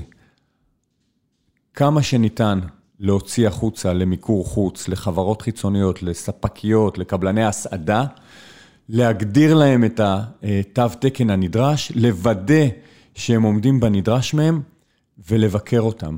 עכשיו, יש מי שזימנו אותם לשימוע, כי הם לא עמדו בדרישות, ספק הסעדה למשל, או ספק ניקיון, ואמרנו, איך יכול להיות שהגעת לרמה כזאת? והוא אמר, אתם רוצים שאני אגיד לכם את האמת? אמרנו לו, כן, רק את האמת. הוא אמר, זו הפעם הראשונה שבודקים אותי. וזה קרה בשלב די מוקדם, אה, שהגעתי למשטרה, כן. והבנו שחייבים להקים גוף שתפקידו כך קראנו לו, הוא אכיפת, הוא אכיפת הסכמים. הקמנו יחידה כזאת, שתפקידה הוא לוודא שהספק החיצוני נותן לך את התוצר שעליו הוא התחייב. זה יכול להיות מוצר, זה יכול להיות שירות, ואתה רק תוודא שזה קורה. עכשיו, צריך לזכור, יש לו אינטרס. פעם אחת הוא כלכלי, הוא רוצה להיות רווחי. גם לך, כלקוח, יש אינטרס שהוא יהיה כלכלי, שהוא יהיה רווחי. אם הוא מרוויח, אתה יכול להיות רגוע, הוא ייתן לך את התוצר הנדרש. אבל אתה צריך גם אה, לזכור שגם לו לא יש אינטרס לשמור על השם שלו. אז תראה בו ספק, תבדוק אותו, שידע שאתה בודק אותו, ואיפה שהוא לא בסדר, תפעל יחד איתו לשפר. אני לא אומר שצריך לקנוס כל היום, אבל צריך לעשות מהלכים ברורים של אכיפה ובקרה. אני לא יודע מה היה בצה"ל, ואני מניח שהם אה, אה, טיפלו או מטפלים. כן, זה גם ארגון טיפה יותר גדול, 30 אלף אה, אנשים, אני חושב שזה בערך פי עשר. לגמרי. אוהד ישראלי, אולי זו שאלה אחרונה. מה חשוב יותר מבחינת מיקום מרלוג? קרבה לנמל או קרבה לאזורי הביקוש של הסחורה? מה תהיה ההשפעה של פתיחת נמל המפרץ על הביקוש לשטחי אחסון באזור חיפה והצפון? זה דברים שאתה נוגע בהם וקרובים ללבך, אני מניח. כן, אז תודה לאוהד. אה, אחת החוויות הראשונות שלי במשטרה הייתה... מרכז לוגיסטי, מרלוג זה מרכז לוגיסטי, נכון. אתם לא מכירים. נכון. נפל לי האסימון שזה לא, לא מילה ידועה כל כך. נכון, מרלוג זה מרכז לוגיסטי. אחת החוויות הראשונות שלי, כשנכנסתי למשטרה, אה, עברתי כמעט בכל התחנות בארץ, במרחבים, במחוזות, אה, הכרתי את המתקנים, את גורמי הלוגיסטיקה, את המחסנים, והבנתי שאנחנו בבעיה. שיש לי הרבה יותר מדי ציוד, שפרוס על הרבה יותר מדי מקומות, שאני רוכש דברים שבעצם נדרשים במחוז אחד, אבל יכול להיות שנמצאים במחוז אחר. ו... מה זה, אתה יכול רק, רק כדי להכניס אותי טיפה לעניינים, מה זה, מה קונים? אמרת משרוך והכל, ואז הלכת למסוקים וקשה. אתה קונה מדים, אתה קונה פנסים, אתה קונה קסדות, אתה קונה שכפ"צים, אתה קונה רכוש, אה, ציוד משרדי, אתה רוכש אה, ציוד מטבחי. אין סוף. אתה קונה גם נשק או שנשק זה משהו אחר? אתה רוכש גם נשק. אמל"ח זה גם תחתיך? אמל"ח, אתה רוכש אה, תחמושת, ואתה קונה אקדחים, ואתה קונה רובים, ואתה רוכש אמצעים לפיזור הפגנות. כל האמצעים של הימ"מ זה גם אצלך? אה, הם תחת האחריות המקצועית שלך, חלקם מאוחסנים גם במחסנים שלך, וחלקם מאוחסנים ביחידות. אבל מי אחראי על התקציב? זאת אומרת, זה, זה כל כך שונה משאר המשטרה. אה, אתה אחראי על התקציב כולו. ברגע שמדובר ברכישה, הרכש הוא מרכזי. once העברת את הציוד ליחידה, אז היא גם אחראית לתחזק אותו. זה נכון לנשק, זה נכון לכל דבר. הסוסים, אתה צריך לדאוג ל... מי רוכש אוכל לסוסים? אתה? כן. מי דואג שיהיה שירות וטרינרי לסוסים? מי מקים להם מכלאות? אז יש גורמי רכש, וגורמי החזקה, וגורמי בינוי, וגורמים שמתעסקים שתחומם הוא בעלי חיים, אבל בסוף יש שם יחידת פרשים, שבבוקר בא הגורם הרלוונטי ומאכיל את הסוס ומטפל בו, אבל מישהו צריך לטפל בכל הדבר הזה מלמעלה. וואו, יש אקסל אחד גדול עם כל הרכש של המשטרה? יש, אה, זה הרבה יותר מאקסל אחד גדול, זה מערכות וזה ERP ותהליכי רכש סדורים ותכנון קדימה ושיפור מתמיד, ושאל את עצמך איך מייצרים פה עכשיו תהליך של Machine Learning, שידע לצפות, יש המון אתגרים בסיפור הזה, והוא נכון לא רק למשטרה. אז רגע, זה מחזיר אותך חוזרים למרלוג, למרכז הלוגיסטי. כן, האם זה משנה איפה הוא? אני חושב שקודם כל מה שמשנה, זו ההבנה שצריך כזה. כי לא היה? כי לא היה. מה זה אומר? אז איפה אחסנו את ה... אחסנו את זה בהרבה, בהרבה מאוד מחסנים, מדן ועד אילת, חלקם בצורה ראויה, חלקם בצורה פחות טובה, ואני החלטתי, אחרי עבודת מטה בשיתוף האנשים שלי, שאנחנו יכולים לצמצם את המחסנים הלוגיסטיים שפזורים בכל רחבי הארץ, לעשות מרכז לוגיסטי אחד אחוד במרכז, אני כבר מתחיל לענות לשאלה של יניב, אוקיי? מרכז לוגיסטי אחד לציוד המשטרתי, והשארה של שתי תחנות קצה, אחת צפון, אחת דרום, מן רגל קטנה יותר, לצורך מקצוע, אה, מבצעי מיידי, שאם יש עכשיו איזשהו אירוע דרמטי, צפון, דרום, שריפות, הפרעות סדר, חלילה אה, רעידת אדמה, מלחמה ועוד כהנה וכהנה, הארגון צריך להיות אה, ברמת מסוגלות ורציפות תפקודית של לתת מענה מיידי וקצר מועד בצפון או בדרום, ואחר כך נתחיל להזרים לו מהמרכז הלוגיסטי. אה, הקמנו מרכז לוגיסטי משותף אה, למוצגים משפטיים ואמצעים לוגיסטיים. אה, אחד המהלכים שאני גאה בו, באמת גאה בו, ולא עשינו את זה לבד. היה פה דבר פנטסטי שאני מאמין בו כערך, קוראים לזה שילוביות. שילוב זרועות בין אגף התמיכה הלוגיסטית לאח"ם, אגף החקירות והמודיעין, ובעצם הצלחנו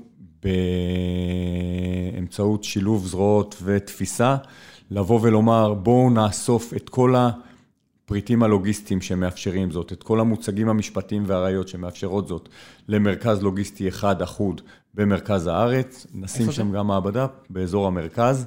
אה, זה, זה משהו, אוקיי, כן. בסדר. אה, נייצר פה תהליך סדור של אחסון, החזקה ראויה, אחסנה, הפצה אל יחידות הקצה והחזרה, הסתכלות מרכזית, הזנה למערכת מידע פנימית ושחרור של המון שטחי רצפה, ביטול של מחסנים, ביטול של מעבדות, צמצום נסיעה מיותרת של שוטרים הלוך חזור. אפשר למכור נדל"ן, אני מניח. חיסכון, חיסכון בשעות מנוע, בדלק, בבלאי של כלי רכב, והוצאה החוצה למיקור חוץ. אין סיבה ששוטרים יעשו את זה. יצאנו במכרז, ובעצם חברה חיצונית, שזה זה, זה ה-core ביזנס שלה. אחסנה, שינוע אה, והפצה, אה, הקימו אה, מרלוג מדהים. באזור המרכז, זה עובד פנטסטי, זה משיא ערך אה, לארגון עצמו וחוסך הרבה מאוד אה, כסף. ולשאלתו, ככה נענה ב, ב, רק במילה, משפט אחד אחרון ליניב, אני חושב שנמל המפרץ, אה, מעבר לסיפור של הפרטת הנמלים כתפיסה, שאני מאמין במהלך, אני חושב שמה שחשוב אה, זה שיצרו כאן תשתיות מדהימות. נמל זו תשתית מטורפת. למדינה, ואני חושב שהאתגר הבא יהיה דרכי הגישה לנמלים, כי אם תעשה תשתית מדהימה, אבל הכל יהיה תקוע ולא יוכל לצאת מהנמל או להגיע אליו, אה, אז זה לא יהיה מספיק טוב, ולשם כך צריך לא רק מרלוגים. זה אחת מהסיבות שהרבה יישובים בארץ מתקוטטים בינם לבין עצמם על האפשרות שבכלל יהיה מרלוג בתוך היישוב. כי יש אנשים שייהנו מהארנונה ויש אנשים שלא יצאו לעבודה בבוקר. כן, אני, תראה, אנחנו רואים היום צמיחה אה, תסתכל על עולמות ה-B2C, אני רגע עוזב את העולמות של כן, משטרה. כן, אמזון, שכל מקום שיש מרלוג של אמזון, כל העיר שם... באירופה יש ערים שלמות שהפכו להיות האבים. הכל מגיע למרכז הלוגיסטי ומופץ ממנו. עכשיו, גם ה-B2C, בוודאי אה, עידן ה-COVID, הקורונה, הקפיץ את זה בסדרי גודל, וגם ה-B2B. הכל עובר היום לרכש מקוון, מבוסס, מערכות הוא מידע. הוא לא מבוזר, הוא מרוכז. ואז מה שקורה היום, תראה, התפיסה שלי, כמו שאמרתי, שאני חושב שצריך אה, ללכת לכיוון של מיקור חוץ, יש מי שדוגלים ואומרים, תראה בספק שלך שותף. אני לא כופר באמירה הזאת, אני רק חושב שבעולם שהוא כל כך דינמי, תהיה מוכן לזה שאתה מצוי בפני שוקת שבורה, והספק שלך או לא יכול לספק את הסחורה, או מסיבות אובייקטיביות, מעלה את המחיר בצורה דרמטית שמשפיעה לך על התמחור. אנחנו עכשיו מגיעים פה המון עובדים חדשים, לקנות מחשב חדש עכשיו, נהיה בעיה, לקנות מסכים, יש לי קבוצת CTOים שפעם השיחות היו רק על טכנולוגיה ועל שכר או לא יודע מה, עכשיו רוב השיחות זה תגידו איפה אתם מוצאים מסכי סמסונג אה, ככה וככה אינץ'. איך, איך קוראים לזה? מחסור? sourcing. sourcing. אוקיי, בסדר. פנתה אליי, סיפור אחרון לפני שאנחנו מסיימים, אה, לפני כבר חודשיים, קניינית רכש אסטרטגית של, אה, מחברת מזון גדולה בארץ, ואמרה לי, שמע סיפור. ספק אה, פקקים שלנו, יצרן פקקים, הודיע לי, הוא לא שאל אותי, הוא לא אמר לי, זה לא פתוח למשא ומתן. יצר קשר והודיע לי, החל מחודש הבא אני מעלה את מחיר המוצר, הפקק, ב-12 אחוזים. טוב לך יופי, לא טוב לך, תהיו חזקים. נגמר, כן. והיא אומרת, תשמע, אני לא מוכנה. מה זאת אומרת מעלה לי ב-12 אחוזים? זה משפיע דרמטית על תמחור המוצר. אני לא יכולה להיות במצב כזה שאני נתונה עכשיו לסד הזה, ואם אני מסכימה לא, מחר זה פוגש את כל הספקים. אני כבר שלושה ימים מחפשת ספק אחר, תעזור לי. וזה מה שעשינו. בתוך ארבע שעות אפשר לתת לה רשימה של חמישה ספקים רלוונטיים, שמולם יכלה להמשיך. כן. אבל כך צריך להסתכל היום על העולם. אין על... ברירה, אין ברירה, כי פתאום ספק אחד תקוע בגלל שבשרשרת הוא נתקע עכשיו, כי הוא מייבא מדינה שפתאום נורא התייקרה, כי... עם אינפל... שהדפיסו כל כך הרבה כסף, לא יכול להיות יציבות, וזה מה שיהיה עכשיו, יהיה תקופה מאוד לא יציבה מבחינת מחירים. חד משמעית. טוב, אה, שלב ההמלצות, כל דבר שבא לך, משהו שקראת, ראית, שמעת, אה, פעילות שאתה רוצה להמליץ עליה, כל דבר, אין, אין רגולציה, אז לך על זה. אתה יודע, אה, לאורך השנים, תמיד מתקשרים אליך, אתה כבר מנהל בכיר, מתקשר אליך אחד האנשים שלך, מתחיל, תשמע, יש בעיה עם זה וזה, ואני אומר, חכה. ספר לי דבר אחד טוב. אחד. תן לי משהו אחד טוב. אתה רואה, נורא קשה להם לתת, אחד. אה, אז אני הייתי ממליץ על שני דברים.